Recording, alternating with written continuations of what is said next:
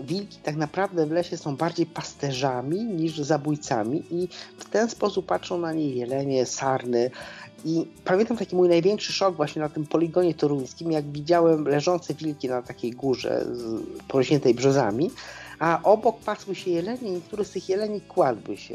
I to jest nie do pomyślenia, żeby one się, czyli jelenie, tak się zachowywały w, w obecności człowieka. My ludzie jesteśmy postrzegani jako drapieżcy, którzy nie przestrzegają żadnych zasad, a wilk przestrzega zasad o tyle, że jak jest najedzony, to nie poluje i nie poluje na zdrowe osobniki. Czyli zdrowy jeleń jest dużo bardziej zrelaksowany, e, jak są wilki, niż jak wilków nie ma. To jest podcast Spotkania z Przyrodą, odcinek 21, w którym moim gościem jest Marcin z Lasu Kostrzyński. Marcin to w świecie przyrodników postać legendarna.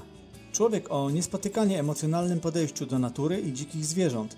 Człowiek, który z tak ogromnym entuzjazmem potrafi opowiadać o tym, czego doświadcza i co przeżywa, i co udało mu się podejrzeć oczami swoich automatycznych kamer. Bo Marcin jest filmowcem, a stale doskonalony przez niego system filmowania pozwala nam podglądać w pełni niezakłócone, prawdziwe życie zwierząt. Usłyszycie dzisiaj m.in. kilka słów o ekologii, zgubnej dla nas polityce węgla i niszczycielskiej gospodarce, ale także o ptaku zjawie, którego Marcin zobaczył podczas jednej z ostatnich wizyt w lesie, o prawach natury, jakimi kierują się zwierzęta, o zrelaksowanych jeleniach w wilczym lesie, o niesamowitym świecie zwierzęcych zmysłów i o przyrodniczej pasji i życiu w zgodzie z naturą. Marcin opowiada także o najbardziej neutralnej i zarazem najbardziej etycznej metodzie fotografowania i filmowania zwierząt, czyli o użyciu automatycznych kamer. W takim razie zaczynamy! Ten odcinek podcastu dedykuję mojemu tacie. Ja nazywam się Michał Stanecki, a Spotkania z Przyrodą to podcast poświęcony przyrodzie i fotografii przyrodniczej. W audycji poruszam tematy ważne dla miłośników przyrody, obserwatorów i fotografów. Zapraszam gości, czasem zawodowców, czasem amatorów, ale zawsze pasjonatów przyrody, specjalistów z różnych dziedzin. Jeśli chcesz odpowiedzialnie obcować z naturą, lepiej ją rozumiejąc, jeśli chcesz być skuteczniejszym obserwatorem, a także robić lepsze zdjęcia, to ten podcast jest właśnie dla Ciebie. Zapraszam.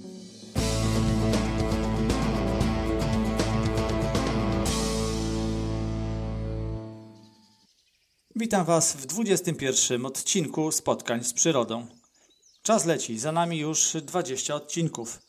Statystycy od podcastów twierdzą, że najczęściej podcasterzy porzucają swoje projekty po pierwszym odcinku. Kolejnym trudnym momentem jest przebrnięcie poza pierwszą dziesiątkę. Mam nadzieję, że jestem już daleko poza takimi rozterkami i dzięki Wam i temu, że słuchacie moich audycji, mogę spokojnie planować i realizować kolejne części. Dzisiaj mam dla Was dłuższą rozmowę, nie chcę więc zabierać czasu i od razu przechodzę do mojego gościa, a to dla mnie gość bardzo, bardzo wyjątkowy. Pierwszy raz Marcina Kostrzyńskiego zobaczyłem wiele lat temu w telewizyjnym cyklu przyrodniczym Dzika Polska, w którym wspólnie z Tomaszem Kłosowskim wprowadzał widzów w niesamowity świat przyrody. Dzisiaj wiem, że Marcin to prawdziwa przyrodnicza instytucja. Wchodząc do leśnego świata, Ostrożnie dał zbliżyć się do siebie zwierzętom, zyskując ich zaufanie, zwłaszcza tym, które potrzebują pomocy. Stale uwrażliwia nas na przyrodę i na los dzikich zwierząt, które jako ludzie ciągle spychamy na margines świata, który całkowicie już zawłaszczyliśmy. Marcin jest jednym z pionierów automatycznego filmowania natury. Jego ciągle udoskonalane kamery, tzw. Tak fotopułapki, pokazują nam prawdziwe zachowania dzikich zwierząt naturalne zachowania, jakich nigdy nie zobaczymy wchodząc z aparatem do lasu. Między innymi wykorzystując te filmy, Marcin edukuje ludzi, zarówno tych małych, jak i tych już całkiem dorosłych. Jest niesamowitym gawędziarzem. Jego opowieści słucha się z uśmiechem na twarzy. Doskonale również pisze o przyrodzie i zwierzętach i na koniec tego odcinka zarekomenduję Wam jego książki. A teraz już zapraszam Was do wysłuchania rozmowy z Marcinem z Lasu Kostrzyńskim. Marcinie, dziękuję za przyjęcie zaproszenia. Jesteś jednym z moich takich, można powiedzieć, wymarzonych gości, dlatego bardzo, bardzo się cieszę, że do tej rozmowy mogło dojść. No, przepraszam, że z poślizgiem, a ja ostatnio po prostu miałem trudny czas, jak my wszyscy i no i nie, nie, nie byłem w stanie zrobić tej rozmowy prędzej. Nie szkodzi, jeszcze raz podkreślam, bardzo się cieszę, że do tej rozmowy dochodzi. Takie pytanie rozgrzewkowe do kącika aktualności przyrodniczych. Gdzie ostatnio byłeś? Czy miałeś jakieś e, ciekawe, emocjonujące jesienne obserwacje? Właśnie wczoraj miałem taką obserwację, która do tej pory nie daje mi spokoju, ponieważ byłem w takim kompleksie leśnym koło Golubie Dobrzynia. Tak naprawdę robiłem zdjęcia z drona wysoko, młodników, tam gdzie podejrzewam, że wilki mogą mieć nory. E, tam jest bardzo trudny teren, a na pewno jest piękna rodzina wilcza. To też nie robię dla własnej tylko wiedzy, ale też chciałem powiadomić nadleśniczego, żeby w tym młodniku nie robił cięć pielęgnacyjnych. Po prostu tam, gdzie jest nora, a nadleśniczy jest akurat e, wrażliwy pod tym kątem, to jest bardzo ważne i wiem, że będzie to respektował, czyli nie będzie e, sama nora rozgłoszona, jej, jej obecność, jej lokalizacja, a z drugiej strony powstrzyma się od takich zabiegów, zabiegów pielęgnacyjnych, które mogą e, być szkodliwe dla wilka. No i wytypowałem takie młodniki i tak naprawdę co mnie najbardziej zaszokowało i to bardziej niż spotkanie z wilkiem, e, to że przeleciał koło mnie ptak, kurak leśny, duży kurak leśny, gdzie mamy tylko trzy opcje. Mamy głuszca, cietrzewia i jarząbka. Jarząbek odpada, ponieważ ten kurak nie miał czarnego zakończenia ogona i mm -hmm. był większy jest od jarząbka. Czyli właśnie zostają tylko głusze i cietrzew. On w pewnym momencie skręcił głowę w moją stronę i zobaczyłem coś czerwonego nad okiem i E, to Ulala. też jest tak, że to, to, to, to, nie mam pojęcia po prostu. Do tej pory jestem w głębokim szoku, ponieważ pierwsze moje takie, pierwsze moje doznanie to jastrząb, że blisko przelatuje koło mnie, ale po chwili jak, jak się zorientowałem, że to jest, że to jest dzika leśna kura, to po prostu mnie zamurowało. I to, to było coś, czego się kompletnie nie spodziewałem. Oczywiście cietrzewie były, ale przed wojną. E, na tamtych terenach, bo tam jest Dolina Drwęcy, piękna Dolina Drwęcy, e, są duże rozległe łąki, są takie miejsca, gdzie cieczewie teoretycznie mogły być, e, ale ich nie ma.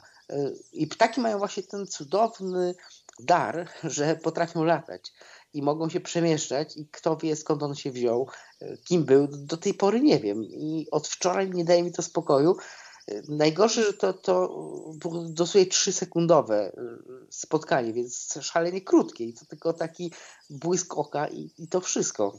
Tak przeleciał dalej. Ja już w ogóle nie mogłem nic więcej robić, bo cały czas myślałem, co i jak. Przyjechałem do domu, jeszcze przewertowałem książkę, bo z tymi dużymi kurakami leśnymi jest tak, że nikt nie jest tak naprawdę do końca dobrze opatrzony.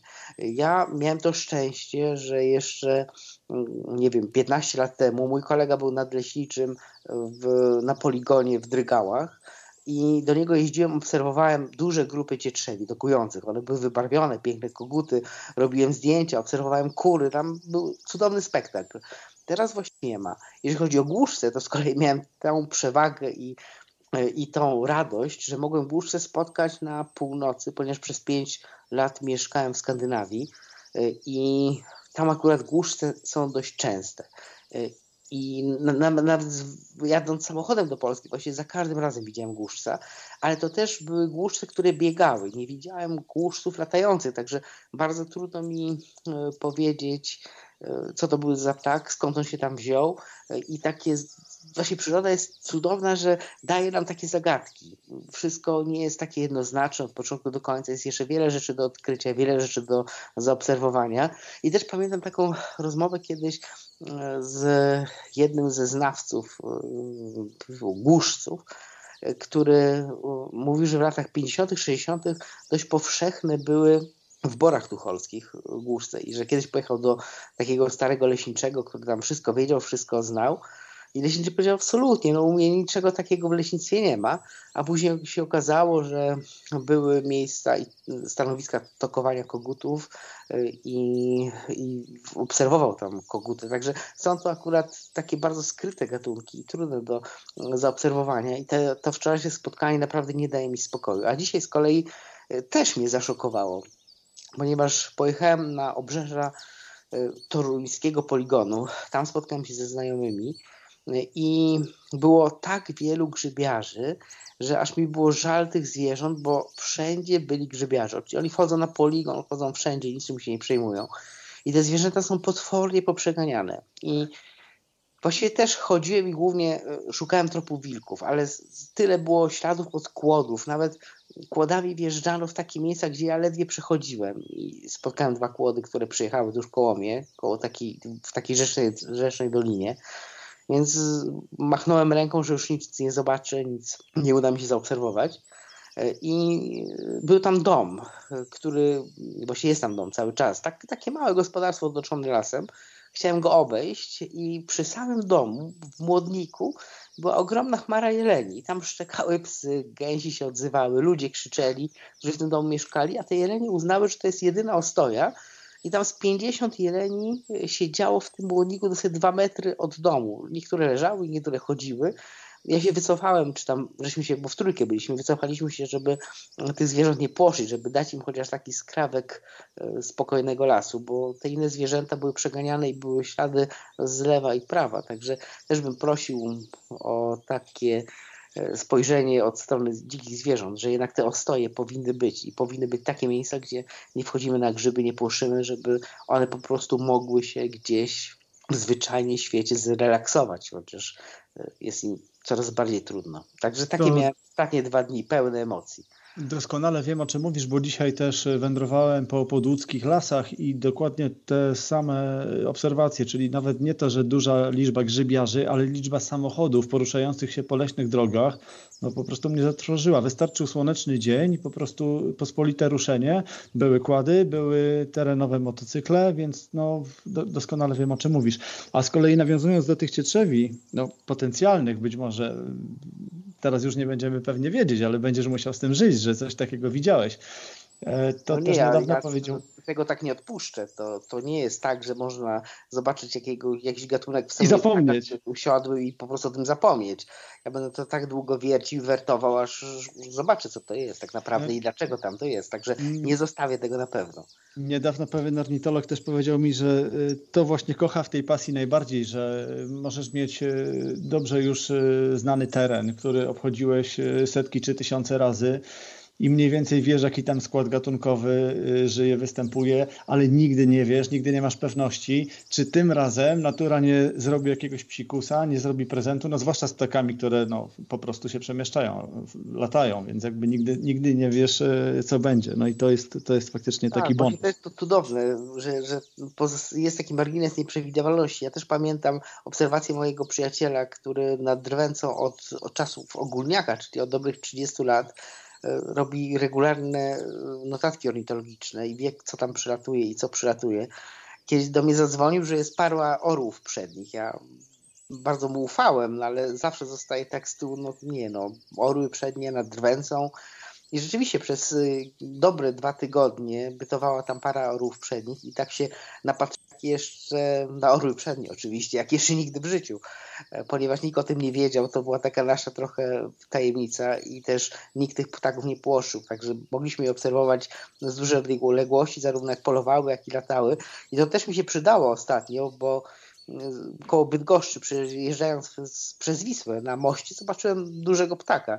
Zawsze wożę ze sobą lornetkę i okazało się, że to właśnie orzeł przedni leciał wzdłuż Wisły. Ale jeszcze cię zaskoczę, bo ja naprawdę nie jestem ornitologiem. To, to nie jest taka do końca moja pasja. Ja jestem przyrodnikiem, którego interesuje cała przyroda, ale ptaki są bardzo ważną częścią tej przyrody.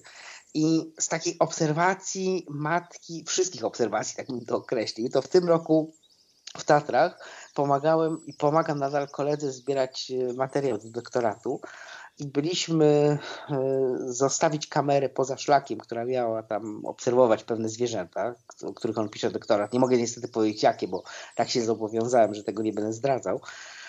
I naraz e, leciał orzeł przedni, prosto w naszą stronę i naraz nie, nie wiadomo skąd pojawił się sokół wędrowny, który tam niedaleko miał gniazdo i zaczął odpędzać tego orła przedniego. Także miałem okazję obserwować e, taką pozorowaną walkę sokoła wędrownego z orłem przednim. To, to też jest możliwe chyba tylko w Tatrach. No, dodając tak, jeszcze jakby skalę rzadkości tych gatunków, no to tak, też tak. tak. to, no, prawda, że... Cudownie, że mamy jeszcze Tatry i cudownie, że są takie obszary mm, pozaszlakowe, gdzie ta przyroda tatrzańska może odetchnąć, ponieważ w obszarach szlakowych jednak tłumy ludzi były straszne. Chociaż też widziałem łamanie prawa, widziałem człowieka, który puszczał drona, co jest szalenie niebezpieczne y, dla ptaków i płoszy bardzo zwierzęta w parkach narodowych jest zabronione. Niemniej jednak przy tak dużym natłoku i tłoku ludzi jest to niezwykle trudne, żeby egzekwować e, to prawo, które tam, no, tam powinno być egzekwowane. Także też bym prosił o, o jednak interweniowanie. Ja też się staram interweniować, czyli e, zwracać uwagę, bo jeżeli będziemy Mm, my wszyscy razem, wszyscy przyrodnicy będziemy nieobojętni, no to pomożemy w jakiś sposób przyrodzie. Chociażby w taki sposób, że zwrócimy komuś uwagę, czy będąc na spacerze e, zbierzemy butelki czy śmieci, które inni wyrzucimy. Jasne, to bardzo ważne i, i, jeśli pozwolisz, e, za, za chwilę, za kilka minut wrócimy do tego wątku i o to Cię jeszcze zapytam. Chciałem teraz e, poruszyć taką kwestię, bo jak to jest? Tak spytam wprost, jak to dzisiaj jest w tym rozpędzonym świecie, w którym żyjemy w natłoku informacji, gonitwie, pośpiechu i tysiącu spraw, jak to jest być człowiekiem z lasu? No trochę jestem z lasu, ale trochę jestem też spoza lasu, bo nie da się żyć tak, jakbym chciał do końca, czyli tak na, na 100% w lesie. Może dlatego, że żyję w dwóch środowiskach, czyli trochę w Toruniu, trochę w domku w lesie. To też jest zdrowe podejście, bo, bo mam taki dystans zarówno do jednego świata, jak i do drugiego. Niemniej jednak ten czas spędzony w lesie jest naprawdę mm, super czasem, bo dużo daje i uspokaja i e, pozwala zupełnie inaczej spojrzeć na rzeczywistość, która nie jest zachęcająca e, i która mam wrażenie, że pędzi w złym kierunku. E, I to też bym sugerował ludziom, którzy, którzy podejmują decyzje i politykom, żeby czasami zanim podejmą decyzję, przeszli się przez las z jednej strony to ich uspokoi, wyprostuje myśli, a z drugiej strony, jak zobaczą prawa przyrody i to, w jaki elegancki sposób mm, cudowny ta przyroda funkcjonuje, jak łatwo to zaburzyć, to może też będą rozsądniej i e, mądrzej podejmowali decyzje, ponieważ prawa przyrody są też tak istotne, że my też jako ludzie im podlegamy. I to też widać w tej pandemii, która jest teraz, że nie da się praw przyrody szukać. My jesteśmy w stanie budować wspaniałe wieżowce, super samochody, super samoloty, a nie jesteśmy sobie w stanie poradzić z najprostszym organizmem na Ziemi, jakim jest wirus. Tam, tam przecież nie ma nic w tym wirusie, tam jest najprostsza komórka, jest bardzo nieskomplikowanym życiem, a jednak na tyle skomplikowanym, żeby zniszczyć nasz spokój e, i zagrozić e, naszej cywilizacji. E, I ta pokora jest niezbędnie potrzebna. Myślę, że taką największą nauczkę z tego wirusa, z koronawirusa, będziemy mieć taką, że mam nadzieję, że nabierzemy pokory do mm, otaczającej nas przyrody, do mm, dzikiej przyrody też, bo jednak trzeba pamiętać, że ten wirus żył w dzikiej sferze, na nietoperzach i tylko przez to, że my wchodzimy coraz głębiej w ten świat dzikiej przyrody, on się przeniósł na ludzi i będziemy dalej głębiej ingerować, tym większa szansa, że kolejne takie wirusy będą przechodzić do naszej populacji. Także z jednej strony powinno to nas nauczyć pokory, że nie jesteśmy w stanie poradzić sobie z najprostszym żywym organizmem, a myślimy o podróżach w kosmos. To no właśnie, bądźmy pokorni. Jest takie fajne powiedzenie: idź do lasu, niech poukłada ci w głowie. A to myślę, że tu możemy spokojnie dedykować tym, tak, którzy tak, decydują o tym, w którą stronę idziemy. Odniosę się teraz jeszcze do tej części Twojego życia, która właśnie jest y, bliższa temu człowiekowi z lasu, że tak powiem. Czy dzięki temu, że no przynajmniej okresowo żyjesz tak bardzo blisko tej przyrody, masz, no zapewne masz możliwość widzieć więcej niż widzi taki powiedzmy amator przyrodnik, który po prostu widzi, że obserwuje tę przyrodę, fotografuje czasami, nie na co dzień. Mam na myśli obserwowanie takiej zmienności w świecie natury, bo zarówno tych zmian takich szybszych w czasie chociażby zmieniających się pór roku, ale także takich długofalowych, przemijania lasu, przemijania zwierząt. Czy cały czas jeszcze widzisz takie zachowania zwierząt, które pokazują, że są one nadal w stanie dostosowywać się do zmian, jakie my, ludzie, wprowadzamy ciągle w środowisku? Już to zależy od gatunku. Niektóre sobie dobrze radzą, na przykład y, żurawie, których jest coraz więcej, ale one sobie radziły tylko i wyłącznie dlatego dobrze, że było dużo bobrów, które y, magazynowały wodę i stwarzały im dogodne warunki do przeprowadzenia lęgów.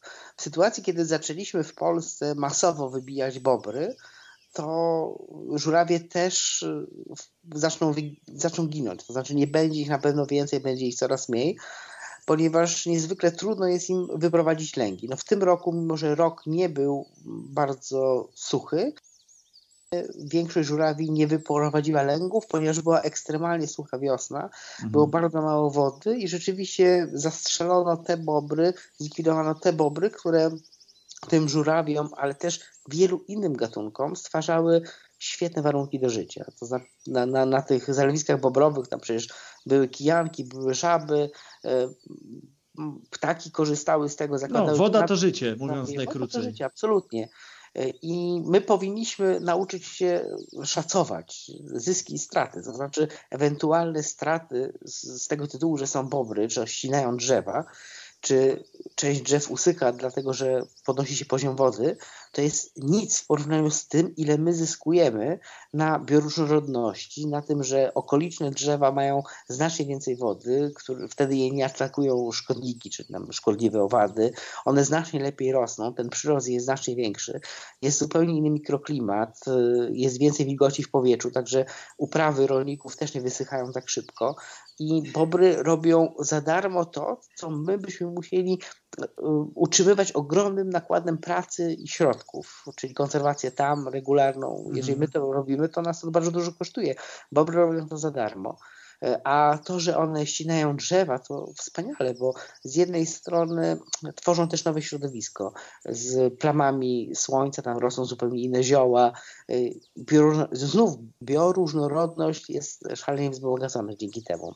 Ja mam ogromną satysfakcję, że udało mi się w moim życiu e, zaprzyjaźnić z dzikimi zwierzętami. O tyle zaprzyjaźnić, że one nabrały do mnie zaufania. Na początku przez to, że im pomagałem w tym domku w lesie.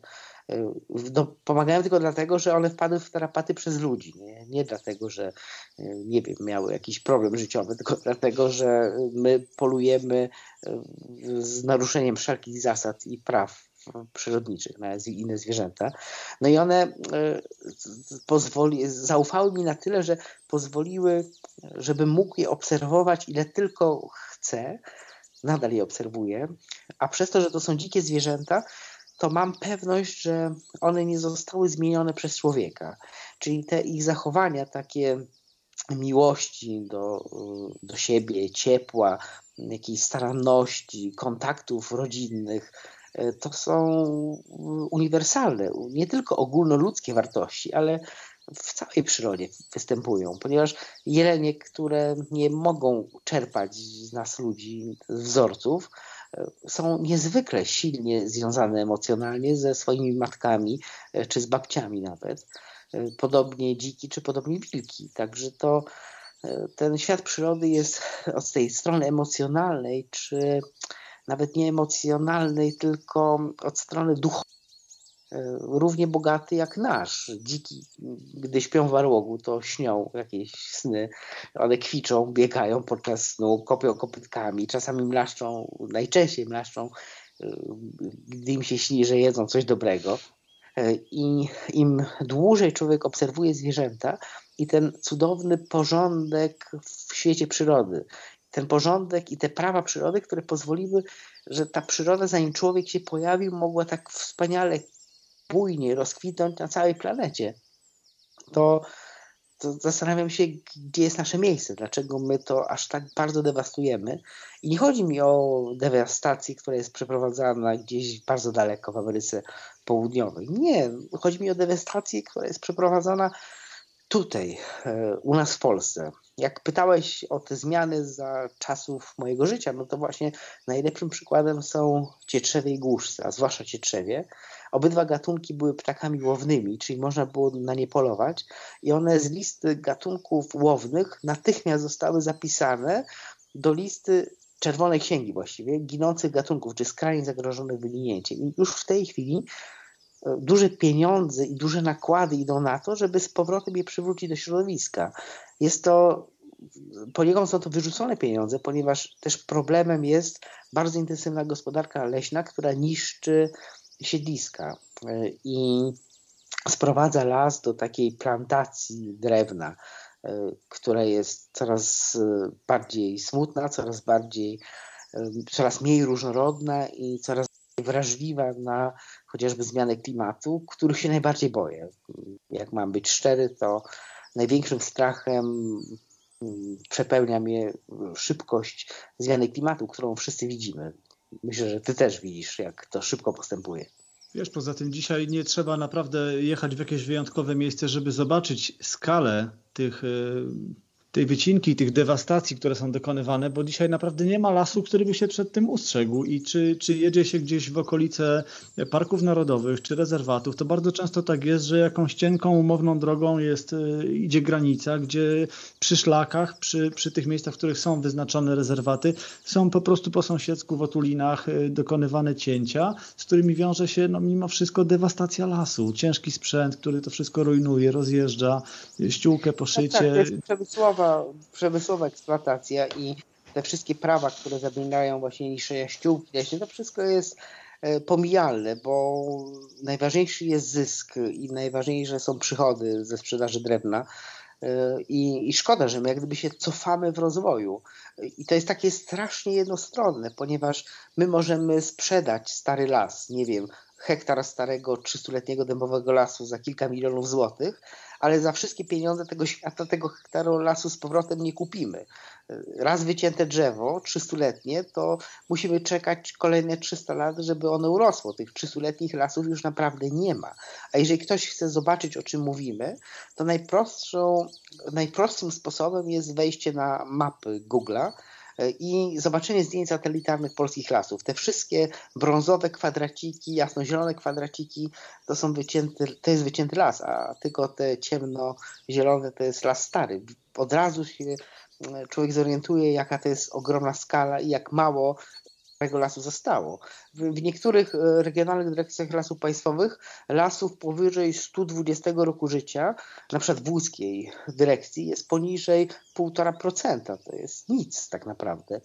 E, I, I znowu jesteśmy bezsilni, jesteśmy w stanie nic zrobić. To wszystko jakoś tak się e, kula w tym złym kierunku. Ja nie chciałbym, żeby nasza rozmowa miała taki negatywny wydźwięk, bo ja zazwyczaj staram się mówić takie miłe i dobre rzeczy o przyrodzie bo no, po przyrodzie zazwyczaj... Zaraz będziemy mówić mówię. dużo miłych rzeczy o przyrodzie. No właśnie i też chciałem słuchaczy przeprosić i uprzedzić, że czasami muszę powiedzieć to, co mi leży na sercu, no bo leży mi na sercu i rzadko mam okazję mówić wprost, co mnie boli. To są bardzo ważne rzeczy i dzisiaj od nich po prostu nie uciekniemy jako ludzie o, o pewnej wrażliwości. E, mamy otwarte oczy, jesteśmy w terenie, po prostu dużo widzimy. No, mam wrażenie, że też rozumiemy sporo i, i dlatego nas to i przeraża, i martwi, i zasmuca. To może jeszcze inaczej, zakończmy ten, e, ten wątek. To powiem jeszcze, że e, od wielu moich rozmówców w zasadzie słyszę ciągle to samo, kiedy pytam ich, co my możemy zrobić, jaka dzisiaj jest misja ludzi, którzy tam przyrodę oglądają, ale też fotografują, filmują. Jaka dzisiaj jest ta nasza misja? Bo tutaj jest zawsze, w zasadzie wszystko sprowadza się do jednego mianownika i wszyscy odpowiadają, i czy ty się z tym zgodzisz, że edukacja. Tylko to tak, ale edukacja uratować. taka bezpośrednia. Y, to znaczy ja o tyle dużo robiłem do tej pory, do czasów pandemii, że spotykałem się rocznie z przynajmniej dziesięcioma tysiącami dzieci, które pokazywałem filmy i tak w miękki sposób opowiadałem o przyrodzie tak żeby jakoś uwrażliwić ich na to. I jeżeli dzieci były starsze, to mówiłem też o problemach, ale też wyważając wszystko, żeby, żeby to było jakieś. Ale to kropla w morzu. To, to 10 tysięcy dzieci to przez 10 lat jest to 100 tysięcy, to jest o wiele za mało, żeby to zmienić. No, Dlatego wiesz, to są nasi potencjalni sojusznicy z następnych pokoleń. To jest tak, bardzo tak. ważne. To są, to są, dla mnie to jest kluczowe, ponieważ od tych młodych ludzi dzisiaj będzie zależała przyszłość jutro.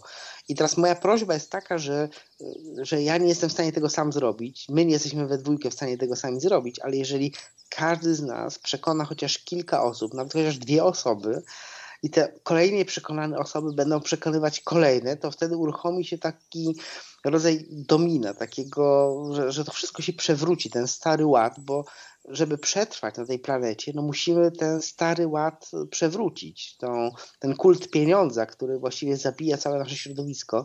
Wczoraj nawet oglądałem taki reportaż o wodzie w Australii, która stała się e, towarem, którym można handlować na giełdach e, po prostu i zarabiać na tym pieniądze. Inwestorzy, jak kiedyś ropa, prawda? Jak kiedyś ropa.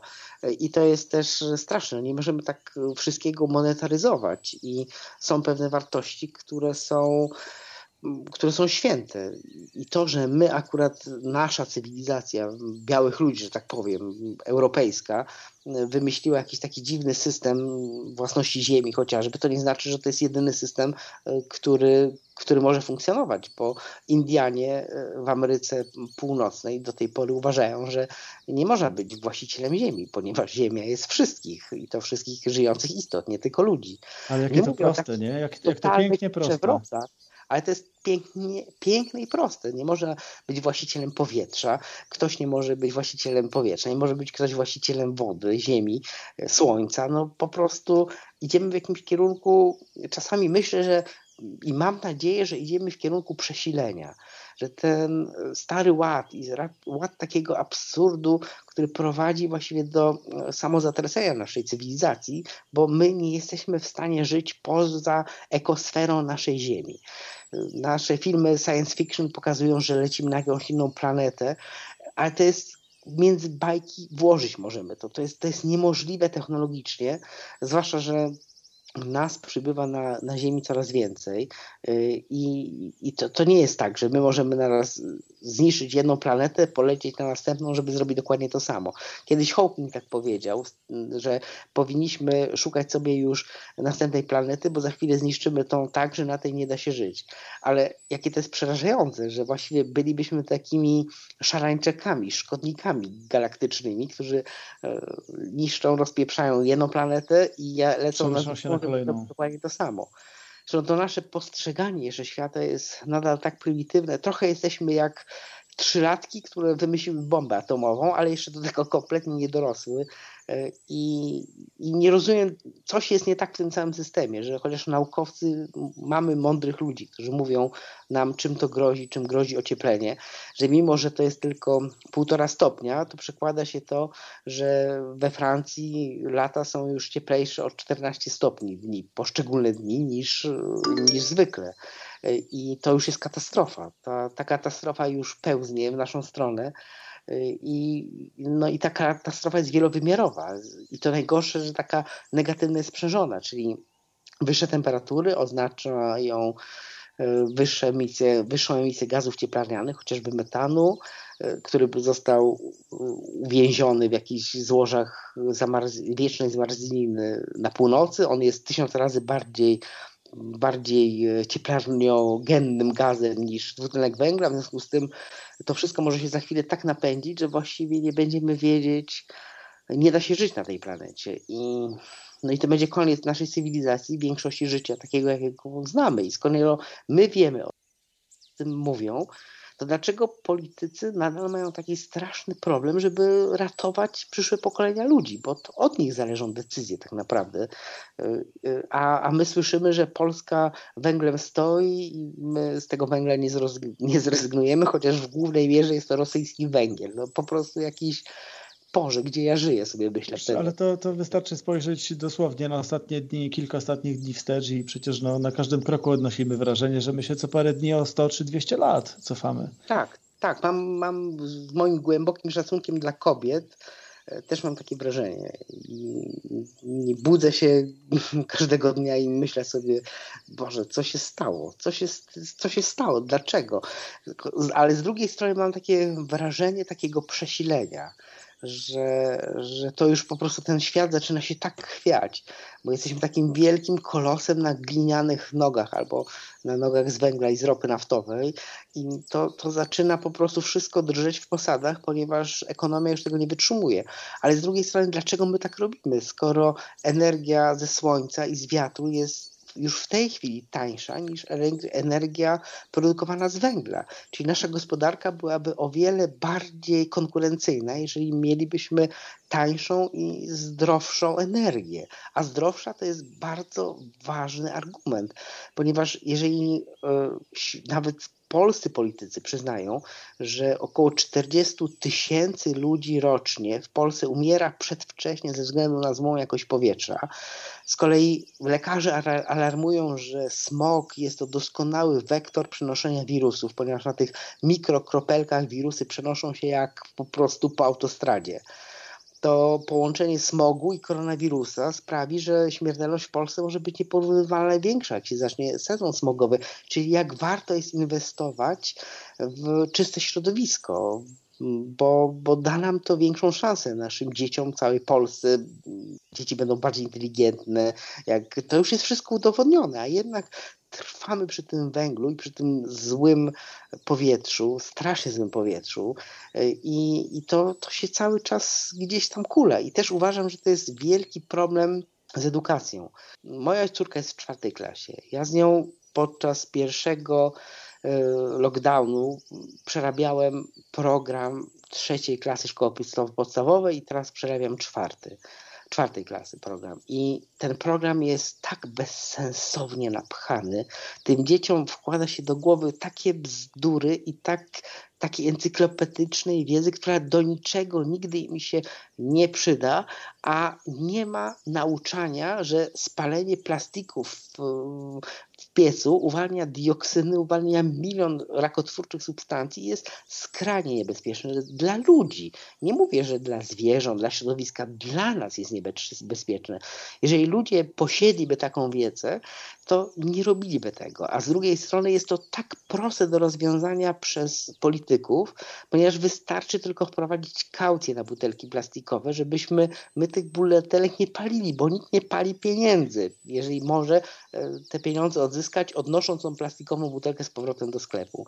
No i to są proste rozwiązania, które, które w świecie już funkcjonują, tylko dlaczego w Polsce nie mogą funkcjonować? E, no ja mam swoją teorię, no ale, no ale tak jest, że jeżeli ktoś ktoś zyskuje. Czyli jeżeli zyskują Polacy, to ktoś traci.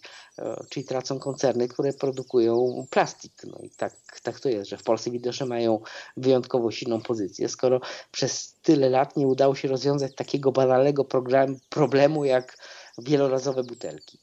No moment w ogóle jest trudny, bo te ostatnie lata to już jakby ta cała machina nabrała no, tak potwornego rozpędu, i absurd goni absurd i naprawdę, no mimo tego, że z jednej strony jako ludzie, którzy są tak uwrażliwieni na przyrodę, staramy się jak tylko możemy mm, rozmawiać z ludźmi, opowiadać im o tym, pokazywać im, co mamy, przedstawiając to od tej pozytywnej strony, nie, nie grożąc, nie strasząc, prawda, że będzie tak, że będzie tak, że tego nie będzie, że nie będzie wody. Oczywiście to też się gdzieś e, przewija, ale myślę, że ta pozytywna edukacja i taka bezpośrednia, o której mówisz, no to jest, to jest chyba jedyny y, klucz i, i ratunek, a jest to proces raczej długotrwały, więc to też musimy brać e, pod uwagę, że tutaj z dnia na dzień pewnie się nic nie zmieni, ale każdy kolejny głos...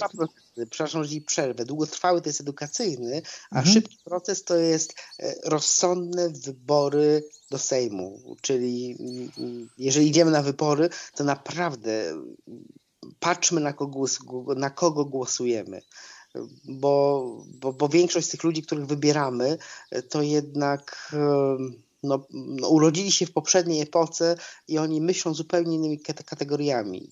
Jednak młodzi ludzie mają zupełnie inne spojrzenie i myślę, że nadzieja jest w młodych ludziach, bo oni prędzej czy później będą musieli zmienić tą naszą rzeczywistość, e, no, żeby żyć w fajnym kraju, no, w zdrowym, fajnym kraju, czego im z całego serca im i sobie życzę. I wiesz, i to tylko ta zmiana na górze może spowodować, że, że ta machina się przekręci w drugą stronę, bo trochę w me serce nalał optymizmu y, młody hydrolog y, Piotrek Bednarek, z którym też niedawno rozmawiałem w jednym z odcinków. Rozmawialiśmy o wodzie, o tym, jak nią nie gospodarujemy w zasadzie, bo nie można powiedzieć, że gospodarujemy i o tym, że no chociażby plany przywrócenia żeglugi śródlądowej, czy, czy plany dalej stawiania kolejnych zapór, to są, to są historie wyjęte żywcem z gierkowskich szuflad z lat 80. i dzisiaj się o tym poważnie myśli, poważnie mówi. Może na szczęście, jest... może, może na szczęście nie będzie na to pieniędzy, natomiast po, powiedział jedną ważną rzecz i właśnie w tym widzę to, to, to ziarenko optymizmu, że we wszystkich tych instytucjach, takich jak Wody Polskie, czy choćby Lasy Państwowe, są ludzie, którzy myślą tak jak my i mają takie podejście jak my, tylko teraz no, mają związane ręce, bo, bo jednak polityka, decyzje z góry, przełożeni, z nadania i tak dalej, więc jakby ten mechanizm się gdzieś zablokował, ale że tam są dobrzy ludzie, którzy rozumieją to, o co chodzi i w którą stronę powinniśmy iść. I, I, ta zmiana na górze, o której mówisz, no pozwoliłaby jakby odblokować znowu ten mechanizm, który mógłby zadziałać w tak, dobrą stronę. Pozytywną więc... energię Polaków, taką, która prawda, pozwoli nam prawda. przebudować nasz kraj tak, żeby ten kraj był przyjaznym krajem dla przyszłych pokoleń, dla nas i dla przyszłych, przyszłych pokoleń, żeby ludzie pokazywali na Polskę palcem i mówili, jaki wspaniały kraj, jaki jest wspaniały polski system. Tak jak kiedyś mówiono o szwedzkiej, szwedzkiej polityce i szwedzkiej strategii z takim szacunkiem, że, że, że oni są krajem, który potrafił wiele osiągnąć i dobrze funkcjonować. Tak marzy mi się, żeby o Polsce też z takim szacunkiem mówiono, że no mam nadzieję, że tego doczekamy. Wiesz, to są takie duże, duże rzeczy, ale to powiem. Ja, ja na przykład chciałbym, żeby tak jak my do tego podchodzimy, definiowano patriotyzm. Dzisiaj w naszym kraju to słowo odjechało gdzieś w zupełnie innym kierunku i strasznie mnie to boli, strasznie mi tego brakuje, nie mogę tego pojąć, nie mogę tego zrozumieć. Dlaczego ten patriotyzm nie może oznaczać szacunku dla naszej własnej przyrody? Dla innych Polaków, dla... No, jedno wynika z drugiego, oczywiście. To oczywiście. jest jedno wynika z drugiego i y, musimy też pamiętać, że przyroda jest naszym dziedzictwem, tak samo jak najpiękniejsze obrazy Matejki. I my tych obrazów nie palimy w elektrowniach, a jednak e, wycinamy puszczę i, i niszczymy tylko dlatego, żeby powiększyć sobie jakiś tam promil PKB, co jest zupełnie bez sensu, bo no właśnie, musimy złapać z powrotem tą równowagę, a przede wszystkim określić jakieś takie kierunki, które pozwolą się Polsce rozwijać w pozytywnym kierunku, bo rozwijać można się w dobrą stronę lub w złą stronę. Rozwijanie się w oparciu o paliwa kopalne na pewno y, jest już przegrane, jest absolutnie z góry przegrane. Jeżeli ja tylko raz w życiu przejechałem się elektrycznym samochodem i od razu wiedziałem, że wszystkie spalinowe samochody są przestarzałe. To się nie da porównać z niczym. W Norwegii po prostu kolega dał mi Teslę, taką fajną S, co prawda, no, no i dotknąłem przyszłości. Tak jakbym wsiadł, nie wiem, z lokomotywy parowej do statku kosmicznego. To jest mniej więcej taka różnica. I od razu po tej krótkiej przejażdżce wiedziałem, że samochody spalinowe są skończone. I to widać już w Norwegii, gdzie większość samochodów kupowanych są to samochody elektryczne, ponieważ. Chyba z potężnym są... dofinansowaniem spalinowe są bardziej opodatkowane niż elektryczne, dlatego tam ta różnica nie jest taka większa, taka wielka, ale jednak e, biorąc pod uwagę sumę e, wszystkich e, korzyści, to jednak samochody elektryczne są absolutnie przyszłością i, i one na pewno wygrają, tylko żeby wygrały jak najszybciej, żeby właśnie przez to, że zostaną, będą kupowane w efekcie skali, mogły być tańsze. Ja na przykład się tak zachwyciłem samochodem elektrycznym, że zacząłem robić sobie rowery elektryczne, bo na samochód mnie nie stać. I jak tylko mogę, poruszam się elektrycznymi rowerami. Jestem po prostu zachwycany za każdym razem, ponieważ e, mam jakiś tam ruch, mogę jeździć po lesie bardzo cicho, nie hałasując w żaden sposób, nie emitując spanin. Nawet ostatnio kupiłem sobie takie panele słoneczne i ładuję duży akumulator e, samochodowy, taki wielki, właściwie dwa takie duże akumulatory i z nich ładuję sobie rower elektryczny, bo, bo tak prościej było to skonstruować. Także mogę powiedzieć, że napędzam już się słońcem i, e, i nie muszę kupować benzyny. To też jest cudowne w tym wszystkim. Że Wiesz, tutaj można... musimy być ostrożni, bo znajdą się tacy, którzy y, wtrącą tutaj, że jednak na drugim końcu tego samego kabla, którym zasilasz elektryczny samochód, no jednak będzie kopcąca elektrownia nadal. Może być, ale może być równie dobrze dach twojego garażu, gdzie i wtedy będą, tak, wtedy będą wtedy panele, faktycznie. które ten samochód będą ładowały. Dlatego koncerny, y, które produkują paliwa, widzą same, do, do, do czego to prowadzi. A dla mnie jest to cudowne, że na przykład rolnik, który będzie miał, e, ma ogromną stodołę, może na tej stodole zainstalować 100 metrów paneli słonecznych, jeżeli jest dostatecznie duża, ładować swoje ciągniki, nie musi już mieć e, rosyjskiej ropy. I to też jest cudowne, że nasz kraj mógłby się stać w dużej mierze e, tak naprawdę niepodległym krajem, bo trudno powiedzieć, że jesteśmy niepodlegli, e, jeżeli ktoś zakręcając kurek z ropą może sparaliżować całą naszą gospodarkę z ropą tak, i z. Jesteśmy aż tak, aż tak mocno zależni, ale jednak wiesz, musisz pamiętać, że tutaj jeszcze ta, ta mm, trudna nasza polska mentalność, e, to się trzeba przestawić, to musi być inne myślenie. Wiesz, że ten rolnik, zanim zamontuje te panele, to z tego dachu musi najpierw zdjąć Eternit. Tu, nie, nie, ale ja tylko, tylko mi chodzi o to, że, że te technologie ja mogą działać e, na korzyść po prostu więcej pieniędzy zostanie nam w kieszeni. E, o, o, tym chciałem powiedzieć, że to nie jest wbrew ludziom i wbrew e, interesowi społecznemu, tylko wręcz odwrotnie jeżeli my będziemy żyć czy rozwijać nasz, nasz kraj w tym kierunku, to, to będziemy zdrowsi, będziemy bogatszym krajem, bo nie będziemy musieli miliardów dolarów e, płacić Rosji za ropę, którą od nich kupujemy i gaz. E, I tylko tyle, że, że to jest dobry kierunek pod każdym względem, zarówno dla naszej przyrody, dla naszego zdrowia, jak i dla, nasz, dla naszych portfeli. Postawmy tu kropkę. Tak, chciałbym, tak. Wróci, chciałbym jeden, wrócić jeden do tego lasu. Wiem, że ty chciałeś o zwierzętach ze mną rozmawiać, a ja tu pojechałem taką Nie, nie, to, to, to są ważne rzeczy i tak jak powiedziałem, no, od tego nie uciekniemy i to, o to też chciałem cię pytać, aczkolwiek e, w późniejszej części rozmowy. Natomiast e, wróćmy teraz do lasu. Niech powieje trochę optymizmem. Słuchacie podcastu Spotkania z Przyrodą, w którym moim gościem jest Marcin z Lasu. Chciałem zapytać o taką rzecz, bo sam już wspomniałeś o tym, że ten świat zwierząt charakteryzują trochę inne wartości niż e, świat ludzi. I, I jak byś mógł powiedzieć, że, że to między innymi prostota, taka dobrze rozumiana, że to minimalizm, czy jakby to powiedzieć, umiarkowanie? No wiesz, zwierzęta się tak mocno różnią od nas właśnie w tej sferze, że wydaje mi się, że ta prostota i to umiarkowanie to jest siła tego świata. To jest wszystko proste. Znaczy ja nie nazwałbym to prost istotą, bo to tak trochę może mieć złe konotacje. Dla, dlatego daje, że tak dobrze rozumiana, że to są, to są bardzo proste relacje i proste reguły.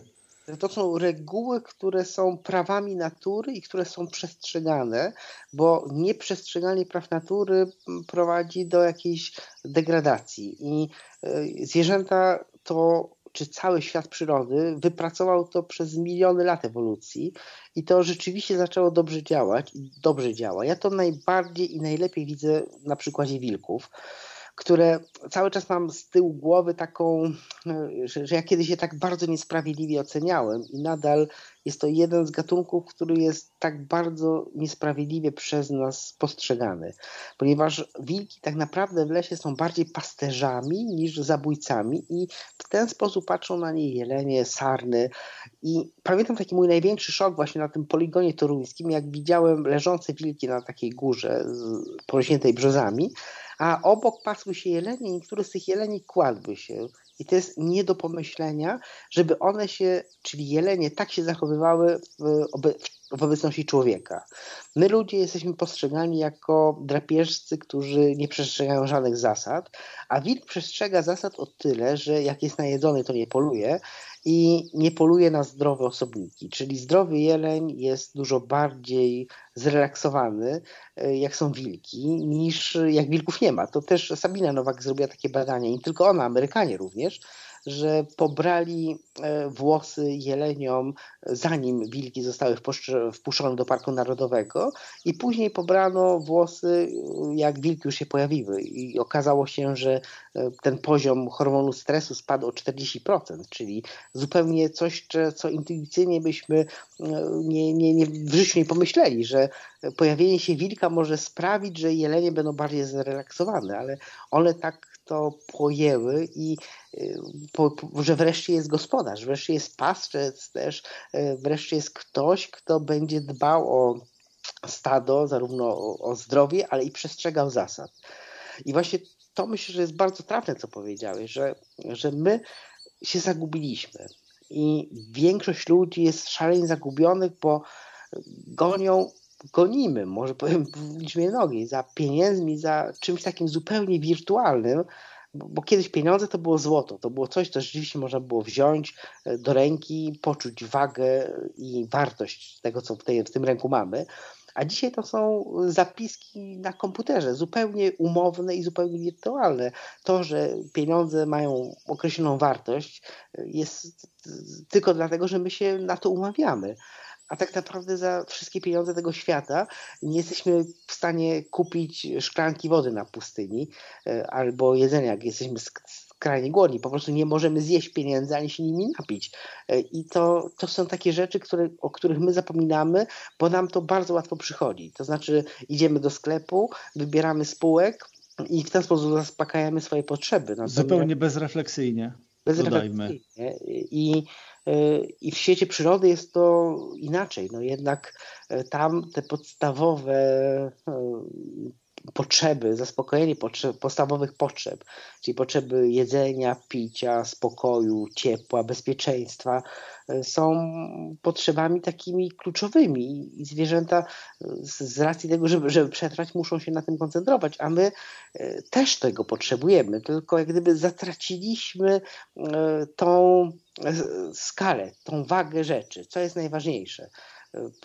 A to jest tak naprawdę dla nas najważniejsze, że bez tych podstawowych rzeczy, które, które my potrzebujemy, czyste powietrze, czysta woda do picia, zdrowe jedzenie, to, to, to my nigdy nie będziemy jakoś szczęśliwi, zaspokajając swoje potrzeby czysto materialne.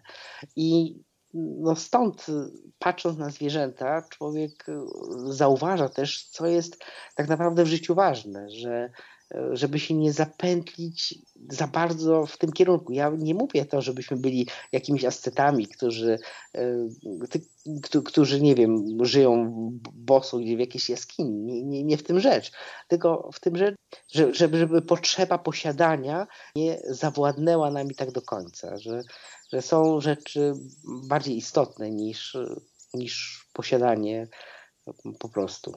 Wielu twierdzi, że to właśnie to, ta chęć posiadania, ten y, bezkresny konsumpcjonizm posunął nas dzisiaj jako w ogóle ludzkość do tego miejsca, w jakim jesteśmy. I to jest nasze największe zmartwienie, bo no, to jest tak rozpędzona kula, którą będzie cholernie trudno zatrzymać, po prostu.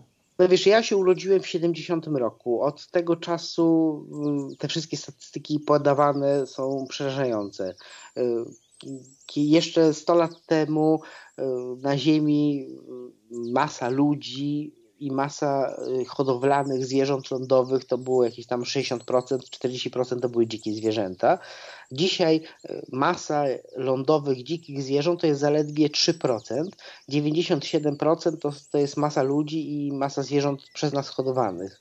I to mhm. też pokazuje skalę problemów, jak bardzo y, tą, tą dziką przyrodę zepchnęliśmy na margines, a prawda jest taka, że każdy ma prawo żyć na tej ziemi tak samo jak my i nie możemy mm, być panami życia i śmierci i decydować, który gatunek ma przetrwać, a który nie. Zwłaszcza, że my możemy tak wiele czerpać z tej przyrody, która dookoła nas e, funkcjonuje. Ja przynajmniej e, czerpię bardzo wiele i ogromnie dużo daje mi przyroda i spokoju, i takiego innego spojrzenia, radości przede wszystkim. I myślę, że te problemy psychologiczne bardzo wielu ludzi teraz. Mam, mam znajomych psychologów, wiem jak, e, jak wygląda ich terapia. Nie są w stanie zaspokoić popytu na, na taką terapię, a taka terapia przez las i przez kontakt z naturą jest naturalną i bardzo skuteczną terapią poradzenia sobie z tym światem, który jest dookoła nas, który też dla nas jest obcym światem tak naprawdę, bo bo my tak niedawno żyliśmy bardzo silnie, w bardzo silnych związkach z naturą, że, że, że ten świat, który teraz budowaliśmy, zaczął być obcy dla nas i zimny i taki, którego do końca nie rozumiemy. Wiesz, tutaj odniesienie do świata natury, ale to, co się dzieje w relacjach między ludźmi. No jeżeli przy tej pierwszej fali epidemii e, słyszałem, że w mediach były prowadzone wręcz instruktaże, jak ludzie w ramach swoich rodzin mają spędzać czas w zamknięciu. Co można hmm. robić, jak można spędzać czas z dziećmi i tak dalej, bo wynikało z tego, że ludzie tego nie wiedzą, bo już po prostu zatracili. To, to, to już takich mechanizmów nie ma. To po prostu niepojęte, niepojęte rzeczy. To jeszcze raz zataczamy koło, jeszcze raz wchodzimy do lasu. I teraz y, chciałem spytać o świat zmysłów w świecie y, zwierząt tych, tych wolnych, dziko żyjących, bo często się mówi, że takie podglądanie przyrody no to wiąże się przede wszystkim ze sztuką niewidzialności, czyli, czyli być no, niewidzialnym, przez, niewidzialnym przez zwierzęta. No jasne, jest to jeden tam z niezbędnych warunków na pewno, żeby widzieć ich w miarę naturalne zachowania, ale w miarę naturalne, bo jednak zawsze jakąś tam presję wywrzemy, będąc gdzieś zbliżając się i, i siłą rzeczy kreujemy też te zachowania. Ale co z pozostałymi zmysłami, bo jest słuch, ale przede wszystkim chcecie zapytać o, o, o węch, o zapachy w świecie zwierząt. Myślę, że to jest coś, czego e, no nawet jako przyrodnicy, tacy, tacy miłośnicy przyrody, którzy z nią obcują, bardzo często nie doceniamy. Wiesz, ale jeszcze jest coś, e, czego ja do końca nie rozumiem, ale co jest. Myślę, że są jeszcze zmysły, o których my do końca nie wiemy. Mówiło się kiedyś, że jest tam pięć czy sześć zmysłów, niektórzy uważali, że siedem ale czasami jest tak, że zwierzęta potrafią jak gdyby przeczuwać rzeczy, które mają się zdarzyć. E, to, to często było obserwowane, że, że zwierzęta przed czy trzęsieniem ziemi, czy przed jakimiś kataklizmami opuszczały pewien region na przykład. Opuścić pewien region. Ja właśnie pamiętam też e, z kolei innego mojego kolegę nadleśniczego, który e, koło Pisza, w Piszu pracował i tam był potężny huragan, który przewrócił miliony drzew. Mhm. I nie zginęło żadne zwierzę, a przed nadejściem tego huraganu ogromne stada jeleni, dzików, saren wybiegły na pola z lasu, tam gdzie były, gdzie były bezpieczne. I to jest coś, co my pewnie też mamy u siebie, tylko te niektóre zmysły zatraciliśmy. Mówi się, że kobiety mają taki dodatkowy zmysł, który e, pozwala im przewidzieć jakieś niebezpieczeństwo. I tak trochę jest, że, że my pewnie potrafimy to, tylko jakoś dusimy to w sobie, bo takie typowe zmysły, które my też mamy, czyli zmysł właśnie węchu e, czy, czy, czy, czy słuchu, to jednak u zwierząt są tak fenomenalne, że aż trudno nam sobie je wyobrazić. Jeżeli wilk wciąga nosem powietrze, to on jest w stanie cofnąć się w przeszłość, czyli wie z natężenia tego zapachu, ile dni temu kto tędy szedł, wie jakie to były osobniki, czy były zdrowe, czy były chore, to my absolutnie nie jesteśmy w stanie sobie tego wyobrazić. Nawet nasze psy domowe są w stanie e, po naszym zapachu rozpoznać na, na, nasz, e, jak my się czujemy, to znaczy nasz nastrój e, i wiedzą, nie muszą nawet spojrzeć, a już wiedzą, co, mam, co nam na wątrobie leży. Czyli to, to też jest ważne, żebyśmy my nauczyli się obserwując odczytywać pewne sygnały, ponieważ e, to, to jest bardzo, bardzo nam, dla nas może być bardzo przydatne. Jeżeli zaczniemy zwracać uwagę na ludzi, na nasze otoczenie, e, używając nawet tych zmysłów, które mamy, to możemy odczytać ludzi, którym potrzebna jest pomoc, e, którzy mają jakieś problemy, czy możemy odczytać również po ich reakcji, reakcji czy nasze działania są pozytywne, czy nie. Czy, czy są dobrze odbierane, czy nie. Dużo dają tutaj zwierzęta domowe, ponieważ my, jeżeli e, wchodzimy do lasu, to jednak ten kontakt nasz z dzikimi zwierzętami jest taki jak ten mój z tym kurakiem leśnym, czyli krótki e, i najwyżej zwierzęta przebiegają nam przed samochodem, e, albo jak idziemy czy jedziemy rowerem, to po prostu przebiegają przez drogę. Więc trudno mówić to o takich głębszych jakichś relacjach czy głębszych obserwacjach. Natomiast jeżeli mamy zwierzęta domowe, to to też one potrafią nas bardzo pozytywnie zmienić. I, zresztą u mnie tak się zaczęło, że ja się tak naprawdę zmieniłem e, jako dziecko od moich psów, które miałem i które miałem okazję obserwować na co dzień. Zobaczyłem, jak są to niezwykle inteligentne zwierzęta, jak doskonale i wiele rozumieją. E, I to, jak to sprawiło taki fundament właściwie, że że ja postrzegałem zwierzęta zupełnie inaczej. Nie jak e, istoty niższe, tylko ja wiem, że mogę urazić niektóre osoby, które będą tego słuchać, ale no przepraszam, no tak jest. Ja e, absolutnie na równi postrzegam zwierzęta i nas ludzi. To znaczy, że one nie są w żaden sposób gorsze, mniej wrażliwe. E, I myślę, że każdy właściciel psa, który dał temu psu, kotu czy czy, czy innymi, innemu zwierzęciu szansę e, i miał dostatecznie dużo czasu, żeby go obserwować, myślę, że ma podobne spostrzeżenia, że tak naprawdę nic nas nie dzieli, ani emocjonalnie, ani w żaden inny sposób. Jesteśmy po prostu, ta, mamy taką samą wrażliwość. Ale właśnie to wszystko chyba sprowadza się do wrażliwości, bo, bo myślę, że ludzie, którzy są e, wrażliwi w stosunku do tych naszych e, braci mniejszych, jak to się ładnie mówi, no to, to czy jest to pies, czy kot, czy, czy podejście do tych zwierząt dziko żyjących, ono będzie podobne, bo to no albo się to ma, albo się tego nie ma, prawda? Jest to w nas i tylko trzeba to uwolnić, znaleźć, dostrzec. No chyba to są też no tak, takie ale dosyć... zobacz, no, kiedyś też e, w na wsiach było zupełnie inaczej. Te relacje na przykład pomiędzy krową żywicielką e, i, i koniem, który pracował na, na roli, były zupełnie inne e, taką krowę się szanowało, dbało się o tą krowę, bo każdy właściciel tej krowy wiedział, że dzięki tej krowie on funkcjonuje, że ma mleko, ma ser, może zrobić, nie wiem, dziecku chociażby właśnie gorące mleko na śniadanie. Natomiast koń był u nas w naszej kulturze spójrz, nie jada się koniny, dlatego że konie były miały taki wielki szacunek, że, że, że po prostu się nie, do tej pory się koni, koniny nie jada. W innych kulturach konie są zjadane. A z drugiej strony na przykład na świnie mówiono się, ach, ta brudna świnia, czy byle jaka świnia, żeby ją jak gdyby odczłowieczyć, czy odzwierzędzić, żeby e, usprawiedliwić siebie, że my świnie możemy zjadać, bo to jest głupie, brudne, nieczyste zwierzę. Mówiło się na przykład a głupi jak gęś, no, że gęsi są i głupie, dlatego gęsi można łatwo zjadać. A okazuje się, że gęsi mają stosunkowo bardzo duży mózg w stosunku do swojego ciała, mają, doskonale odbierają emocje, że po stracie dzikiej gęsi, jednej z dzikich gęsi, druga gęś przez całe lata może nie mieć e, nowego partnera i przeżywa głęboką żałobę po, po tej utracie.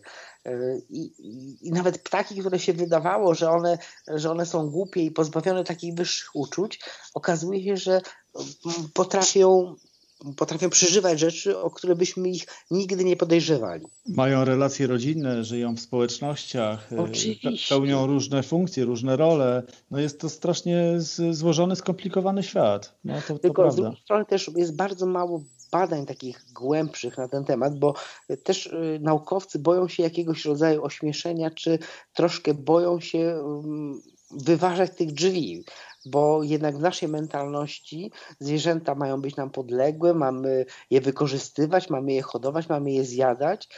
Y, I, I to wszystko jest takie, no, no, gdyby dzieciom znów pokazać z jednej strony y, te badania i jak cudownymi zwierzętami potrafią być świnie, jak mogą być bardzo komunikatywne, że są bardziej inteligentne od psów.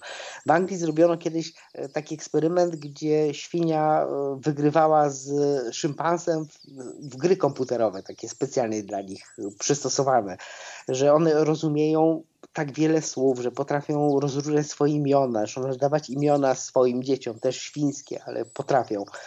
E, a z drugiej strony pokazano by zdjęcia z takiej hodowli przemysłowej i z rzeźni, e, to myślę, że ilość wegan i wegetarian w Polsce by rosła w tempie wykładniczym, ale my staramy się też taką strategią strusia wkładać głowy w piasek, jeżeli nie zauważamy, że to jest zwierzę wrażliwe i tylko że to jest po prostu brudna świnia, no to możemy tą szynkę zjeść w sklepie. Łatwiej, prościej, tak. A przecież i tak wiadomo, że mięso się bierze ze sklepu, no to to już wiemy nie od, nie od dziś. Marcinie, jako ostatni wątek chciałbym jeszcze poruszyć tematy fotografowania, filmowania przyrody. Wydaje mi się, że przez dziesiątki lat mieliśmy, no, gdy oglądaliśmy przyrodę w filmach przyrodniczych, to mieliśmy takie złudzenie, że widzimy prawdziwą przyrodę, prawdziwą naturę, a były to przecież często sceny aranżowane, no, niemalże, albo i dosłownie w studyjnych warunkach, z odpowiednią scenografią. Zwierzęta czasami były oswojone czy wychowywane wśród ludzi. Mm, powstawały w ten sposób genialne ujęcia, niesamowite. Zresztą na naszym podwórku krajowym też była kiedyś taka niesamowita saga o naszej przyrodzie, a potem wyszła książka, która trochę to odczarowała. Mianowicie no, autorzy opisali od kuchni, jak e, kręcono pewne sceny. No i powiem szczerze, czar, e, czar prysnął. Czy dzisiaj, czy dzisiaj e, automatyczne aparaty i kamery, bo celowo nie używam słowa fotopułapka, bo ono mi jakoś nie leży. Automatyczne aparaty, automatyczne kamery nas od tego uwalniają. One dają nam możliwość wreszcie pokazać i zobaczyć prawdziwe oblicze natury. No właśnie ja uznałem, że to jest najbardziej humanitarny sposób filmowania zwierząt.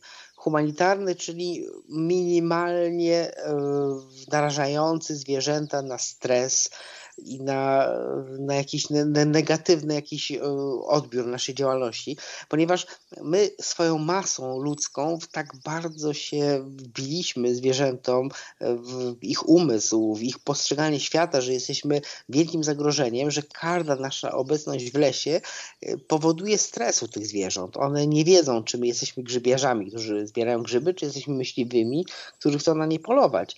E, I, i rzeczywiście one się nas bardzo boją takie filmowanie z, z teleobiektywem jest dobre, ale jednak nie daje pełnego komfortu. Ja uznałem, że spróbuję wymyślić system takich kamer, który na początku w ogóle to zacząłem od tego, że małe kamery z dużym powerbankiem i z dużą kartą pamięci w włączałem nagrywanie e, o trzeciej w nocy i one nagrywały bez przerwy do 12 w południe i później przeglądałem te materiały, co się udało nagrać w danej chwili. Później wymyśliłem czujniki ruchu, potem wymyśliłem jeszcze inne czujniki, wymyśliłem później, żeby kamery się między sobą komunikowały i w końcu zbudowałem taki dobry system, który rzeczywiście działa Dobry system, czyli taki, który pozwala mi nie podchodzić do kamery nawet przez rok, bo każda kamera, bo jak, jak mówiliśmy o tych zmysłach, to zwierzęta mają tak fenomenalne zmysły, że zawsze są w stanie taką kamerę wyczuć.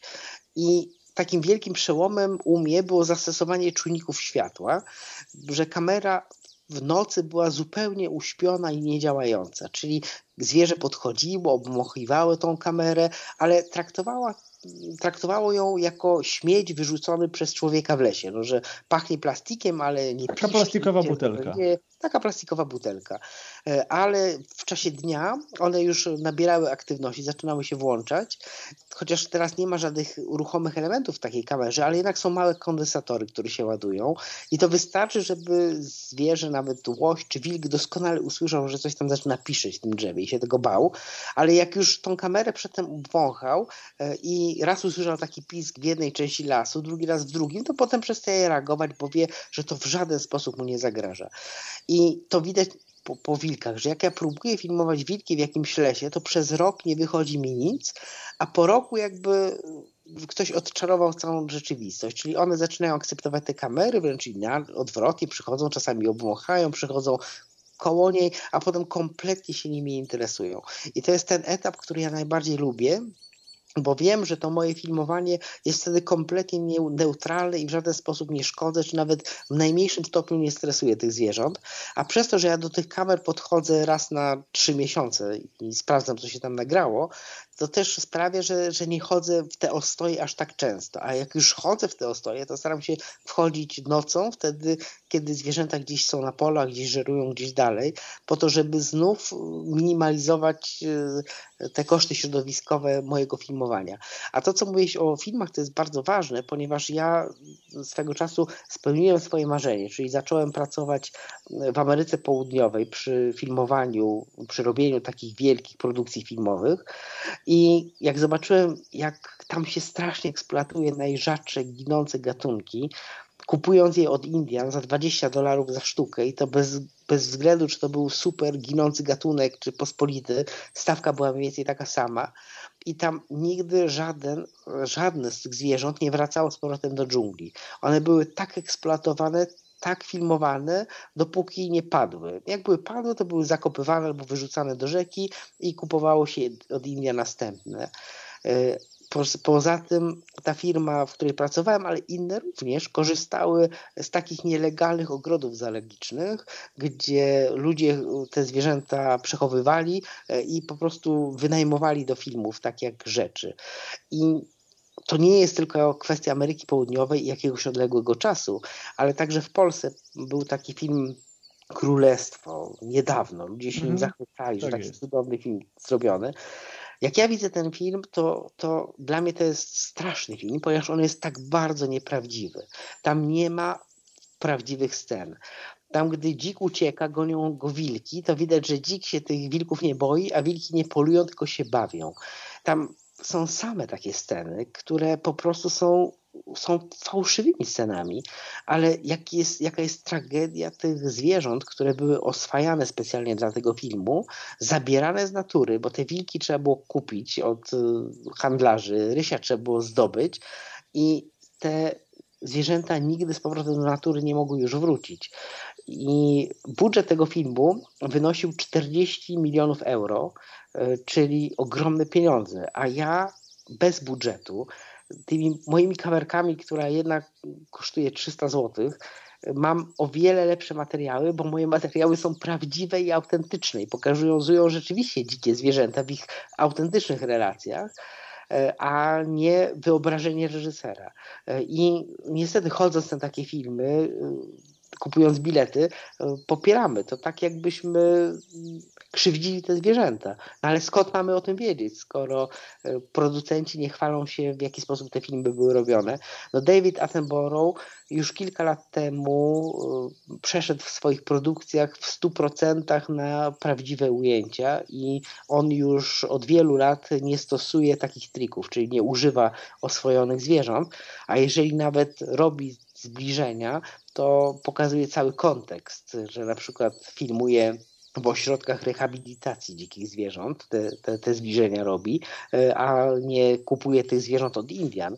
E, I tą etyczną stronę filmowania bardzo silnie podkreśla. I uważam, że każdy fotograf przyrody powinien też o tym myśleć, bo Niestety są takie przypadki corocznie, gdy pojawia się na Facebooku piękne zdjęcie sowy, która jest przestraszona, najeżona, ponieważ ludzie używają nagrań e, innych słów do zwabienia tej sowy w pobliżu obiektywu. I, e, no i też e, nie popieram na przykład filmowania czy fotografowania no, ptaków drapieżnych w takich miejscach, gdzie regularnie wyrzuca się mięso, padlinę. E, pamiętam też taką historię tutaj od nas, gdzie do ośrodka rehabilitacji ptaków drapieżnych trafiły dwa bieliki, e, które nie przeżyły. Okazuje się, że niedaleko obok człowiek prowadził taką, taką firmę, miał tak naprawdę i dokarmiał te ptaki drapieżne padłymi indykami z fermy. I w jaki sposób te indyki zatruły też orły i czy właściwie bieliki powinno się mówić, bo puryści zaraz powiedzą, że mm. źle powiedziałem.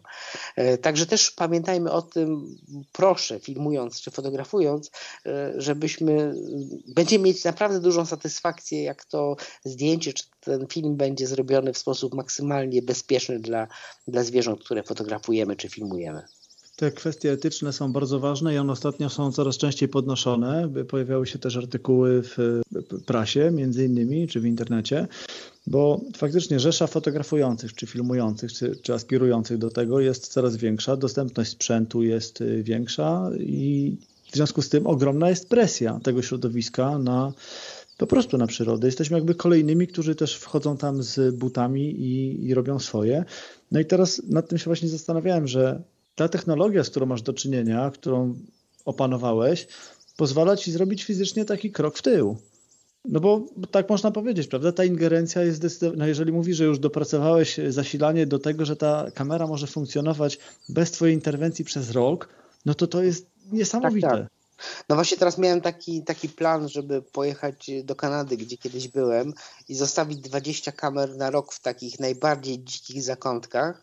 No i po roku pojechać i zobaczyć, co się nagrało. I Trzeba jest... przeczekać kryzys i odłożyć to na, na przyszłość. Ale to muszę to zrobić, bo i tak samo naprawdę chcę udostępnić na moje schematy, by ludzie mogli sobie takie kamery budować, bo one są nieporównywalnie tańsze. E, kamera o podobnych parametrach, e, która u mnie kosztuje 400 zł, czy nawet 350, w sklepie kosztuje 4000 i myślę, że e, zdradzę te wszystkie swoje schematy i pomysły, żeby ludzie mogli również filmować tak jak ja, bo dla dobra przyrody oczywiście. Czyli, czyli znowu na tym nie zarobisz, tak jak nie zarabiasz na swoich filmach, które publikujesz na YouTubie, bez żadnych opłat można je oglądać. Tak jest, no tak tak jest. Pieniądze nie mogą być wykładnikiem wszystkiego, ale jakoś żyję i no właśnie. A słuchaj, takim, takim e, początkującym e, amatorom jakby tej dziedziny działalności, czyli fotografowania czy filmowania przy pomocy tych automatycznych urządzeń, Jaką byś mógł dać na początek radę? No, od, od czego zacząć? Bo wiesz, dzisiaj sprzętu jest bardzo dużo, no, dostępność i producentów, i modeli i tak dalej. Czy to musi być drogie? No właśnie. No, kupcie najtańszą fotopułapkę, żeby się nauczyć podstaw. Próbujcie ją dobrze ukryć, najlepiej w pniu nieżywego, spróchniałego drzewa i proszę w miarę możliwości e, wyłączajcie oświetlenie w podczerwieni, ponieważ e, źrenice oczu nie reagują na tą głęboką podczerwień i mogą takie kamery uszkadzać oczy dzikich zwierząt. E, I jak ostatnio oglądałem też takie ujęcia z budki lęgowej, gdzie były sowy i one były cały czas oświetlane takim silnym światłem podczerwonym, to jestem przekonany, że, że te pisklęta oślepły od tego i E, i naprawdę tego też nie powinno się robić. Ja dlatego filmuję za pomocą tych moich kamer sportowych bez żadnego oświetlenia podczerwonego, po, w podczerwieni, e, czyli tylko mam zdjęcia dzienne. W sumie na tych zdjęciach mi najbardziej zależy, bo też chcę, żeby były ładne, żeby były kolorowe, żeby wszystko było dobrze widać. E, I jeżeli rzeczywiście to nam się będzie udawało, to to też nie podchodźmy do tej kamery zbyt często. To znaczy, ja wiem, że to trudno wytrzymać, bo każdy myśli, że e, trzeba jak najszybciej następnego dnia sprawdzić, co się nagrało, ale wytrzymajmy mm, przynajmniej te dwa tygodnie, nie podchodźmy do tej kamery, to jest szansa, że po trzech dniach wreszcie coś się nam zacznie nagrywać, bo pierwsze trzy dni to jestem przekonany, że niczego się nie uda zrobić. Czyli jednym z takich e, kluczy do, do sprawy można powiedzieć jest e, skuteczne maskowanie, bo z jednej strony daje nam to jakby zwiększa szansę, że no, te zwierzęta uda się zarejestrować, a z drugiej strony też będziemy spokojniejsi, że przypadkowy grzybiarz czy ktoś, kto to, będzie to się gdzieś tam zapędzi. To, żeby ktoś nam nie ukradł kamery. Mhm. Czyli jeżeli kamera jest prostokątnym pudełkiem, to weźmy ze sobą dłuto i młotek w spróchniałym drew, drzewie, yy, taką pasującą otwór, dziurę, spróbujemy wydłubać, wkładamy w to e, kamerę i przyklejamy jeszcze kawałki kory tak dookoła, czy przybijamy, e, żeby ona była jak najlepiej zamaskowana. Z jednej strony to, to zwierzęta też nie będą bały się jakoś bardzo, bo one dostrzegają za każdym razem taką zmianę, ale to też nie będziemy sfrustrowani, jak nam będą te kamery ginęły. To jest bardzo ważne. Dobrze, dobre ukrycie jest kluczowe. A w takim razie jak e, typować miejsca, w których te kamery zakładamy? Czy tutaj bazujemy tylko na takich prostych obserwacjach, że tropy, że, że ślady nabytowania tych zwierząt, czy ścieżki zwierząt, które przecież czytelnie czasami rozszyfrowujemy tak, tak. gdzieś, wodopoje, sadzawki, wodopoje, tego typu miejsca? zwierząt, takie miejsca, gdzie one regularnie przechodzą. Jeżeli są ogrodzone uprawy w lesie, to wiadomo, że e, zaraz koło tej uprawy będą przychodziły zwierzęta, bo one stanowią taką nienaturalną barierę i tam też się koncentrują zwierzęta niedaleko takiego płotu, no bo inaczej nie, nie są w stanie przejść. Przede wszystkim tropy, obserwacje, dobre zamaskowanie kamery i nie, nie z, z te, te, kamery też lepiej, jeżeli będą nisko nad ziemią niż zbyt wysoko, bo ta perspektywa i ujęcia będą znacznie lepsze niż gdy kamerę powiesimy gdzieś tam 3 metry nad ziemią. Może ona wtedy będzie bardziej bezpieczna, ale te ujęcia e, no, nie będą dla nas satysfakcjonujące. I nie trzeba tutaj inwestować ciężkich pieniędzy w sprzęt, który wysyła powiadomienia, ma kosmiczną łączność i tak dalej. Początkujący. Nie, ja, ja zdecydowanie radzę. Na początku lepiej kupić dwie najtańsze kamery, e, czy nawet cztery najtańsze kamery za 400 zł niż taką za 1600 zł. E, to, to, to będziemy mieć znacznie większe szanse, jeżeli to w ten sposób zrobimy.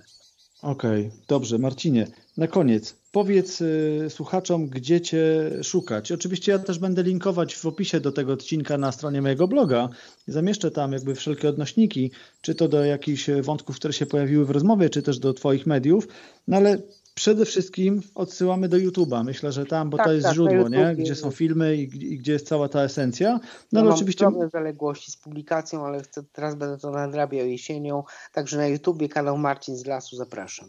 A oczywiście na Facebooku i na Instagramie wszelkie informacje o nowościach, o, aktual, o aktualnościach, które się pojawiają, też, yy, też zamieszczasz. Tak, tak, także zapraszam. Dobrze. Opiszę też w kilku słowach e, książkę. No już nie, nie, nie mamy czasu, żeby, żeby rozmawiać o wszystkim. Filmy udostępniasz gratis. Każdy może sobie usiąść do tak, YouTube'a tak. i naprawdę godzinami sobie oglądać Twoje produkcje. Tak. Ale tylko e, powiem dlaczego ponieważ ja też zauważyłem, że bardzo łatwo wpaść w taką pułapkę. Jeżeli zaczyna się myśleć o pieniądzach i zarabiać na tych filmach, to jest wtedy ogromna pokusa, żeby pójść o krok za daleko. Przekraczać granicę. Żeby, żeby przekroczyć granicę, żeby ryzykować dobrem zwierząt, żeby założyć koło wilczej nory albo tuż koło jakiegoś gniazda ptaka, żeby mieć bardziej spektakularne ujęcia. A jak ja nie mam takiego ciśnienia, że to, to, to wychodzą mi ładniejsze ujęcia po prostu. Także publikowanie filmów za darmo daje mi tą przewagę, a później i tak mam większe szczęście i to jakoś los mi wynagradza. Bardzo fajnie. Jeżeli, jeżeli też, no a, a wiemy, że tak jest, bo przecież dzielisz się e, swoją wiedzą, swoim takim doświadczeniem terenowym i to, to też jest wiedza taka no, bezcenna dla ludzi, którzy zaczynają, którzy gdzieś się uczą, wchodzą w to dopiero i, I, tutaj mogą też patrzeć, jak powinna wyglądać dzisiaj etyka pracy fotografa, filmowca, e, człowieka, który właśnie jest w stanie to robić bez takiej silnej ingerencji w naturę i w świat e, zwierząt. Jeżeli ktoś chce Cię wesprzeć, jest taka możliwość? Powiedz o tym tak, tak proszę. Tak, może, może przez Patronite. To nawet nieduże kwoty, to zawsze na sprzęt jakoś to bardzo dobrze robi, bo jednak te kamery trzeba cały czas modyfikować.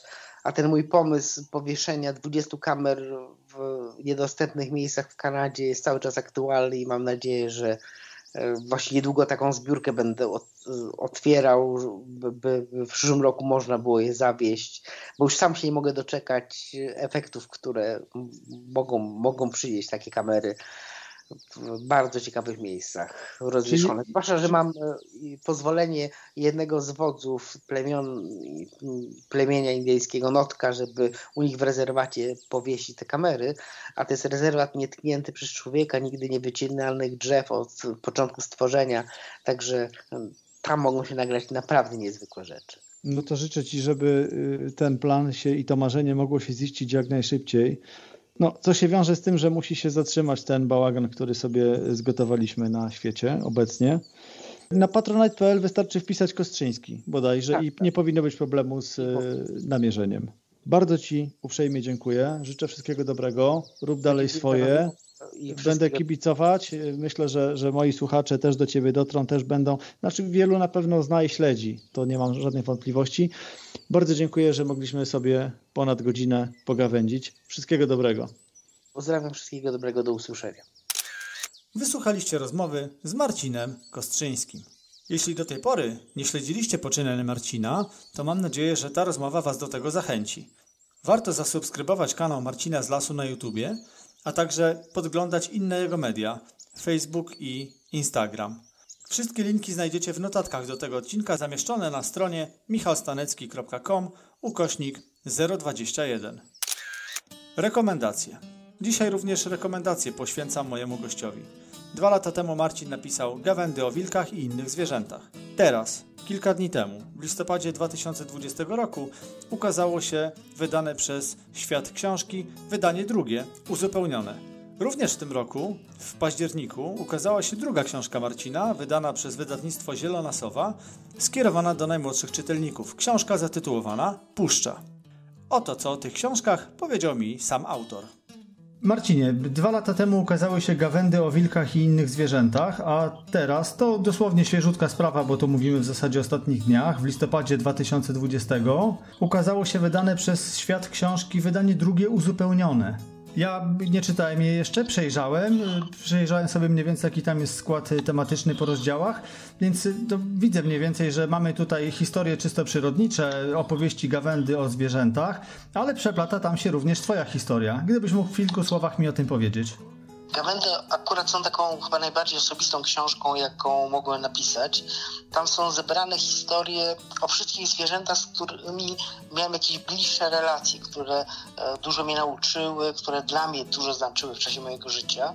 Zarówno o domowych zwierzętach, kotach, psach, ale i tych dzikich e, i takich najfajniejszych e, relacjach, które udało mi się z tymi zwierzętami nawiązać. Dlatego no, jest to wydanie uzupełnione, ponieważ ja bardzo szybko pisałem e, pierwsze wydanie i tam e, trzech historii zabrakło bardzo istotnych. E, no i teraz te trzy historie dopisałem, poza tym losy bohaterów tej książki toczyły się przez te trzy lata, czy tam dwa lata z kawałkiem, no i trzeba było dopisać losy poszczególnych wilków i innych zwierząt. Czyli życie też dopisało historię. Tak, tak. Dopisało życie, całą historię do końca. Y, nie, nie wszystkich zwierząt do końca, ale w większości tak. Dlatego musiałem tą, tą książkę uzupełnić. Ona ma nową okładkę, jest, jest grubsza, ma więcej treści. No i myślę, że nowi czytelnicy, e, zarówno nowi, jak i starzy, znajdą tam e, coś dla siebie w tej książce. No, dodam też, że od strony graficznej jest bardzo fajnie ilustrowana. Naprawdę zdjęcie z niej mnóstwo i myślę, że to też dodaje tutaj smaczku w odbiorze tej książki to bardzo ważne, bo te wszystkie zdjęcia są autentyczne. Tam nie ma ani jednego fałszywego zdjęcia. To znaczy, że jeżeli piszę e, o kocie, no to jest ten kot, jak mówi o wilkach, to są dokładnie te wilki, dokładnie te historie są ilustrowane. Także e, to wszystko jest prawdą. Ja wiem, że ta książka może czasami zaskakiwać, e, ale jest prawdziwa od pierwszego, od pierwszego akapitu do ostatniego. I nie ma tam żadnego fałszu. Te zdjęcia dzięki temu, że są, no to pokazują, że, że to miało miejsce. Ja się bardzo cieszę, bo dzięki tej książce te wszystkie zwierzęta, które dla mnie były takie ważne, nie ulegną zapomnieniu, nie odejdą tak po prostu. I to, co im zawdzięczam, mam nadzieję, że przemówi też do czytelników. Czyli dla ciebie to też taki emocjonalny pamiętnik. Tak, tak, bardzo. Ja teraz piszę kolejną E, książkę, już jestem gdzieś tam w połowie. E, są to już takie typowe przygody ze zwierzętami i takie zwykłe i różne inne. Bardziej takie przy, przyrodnika, tropiciela, historia. Ta właśnie pierwsza książka jest taka bardziej osobista. Czy ona jest y, kierowana do jakiejś konkretnej grupy, powiedzmy dla dorosłych, czy dla młodych, czy, czy również można ją czytać dzieciom? To jest tak, że, że mam bardzo duży odzew po, po pierwszym wydaniu y, i można ją czytać dzieciom. Czytają dzieci nawet y, z pierwszych klas szkoły podstawowej. Wiem, że w przedszkolach poszczególne rozdziały też pani czytają, ale też dostaję maile od osób, które są już daleko na emeryturze i które y, czytały tą książkę i dla których ta książka okazała się bardzo ważna. Także ja się bardzo cieszę, bo dla wielu ludzi ta książka ma duże znaczenie. Ja zbierałem te, te recenzje takie mailowe, bo one są najbardziej wiarygodne, ponieważ są to ludzie, którzy spontanicznie chcą coś napisać po przeczytaniu książki. To są bardzo miłe recenzje. E, między innymi dlatego zdecydowałem się na napisanie kolejnych książek, skoro ta pierwsza jakoś e, dobrze się zadobiła na rynku wydawniczym, to, to, to stąd moja odwaga, żeby pisać kolejne. No właśnie, w tym roku, bo to też w zasadzie świeża sprawa, bo chyba z października to z kolei wydawnictwo Zielona Sowa wydało książkę no tą już kierowaną do młodszych czytelników.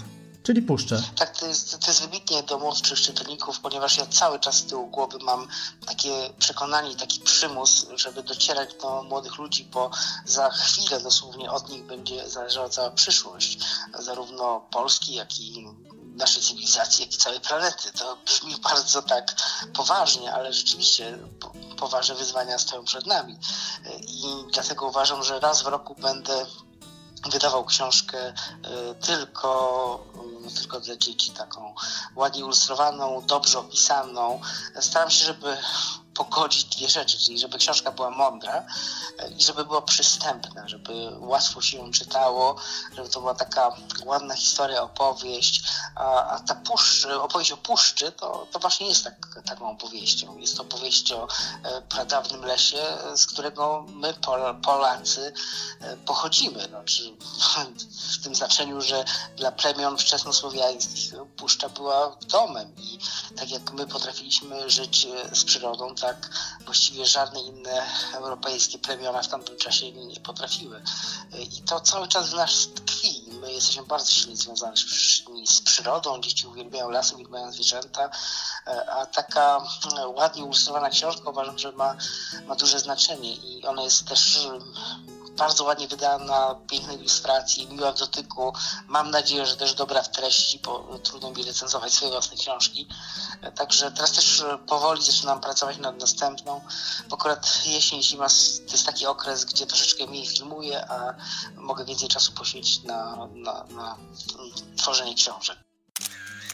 Kącik techniczny. Tym miejscu wspomnę o tym, czym są automatyczne kamery i jak działają.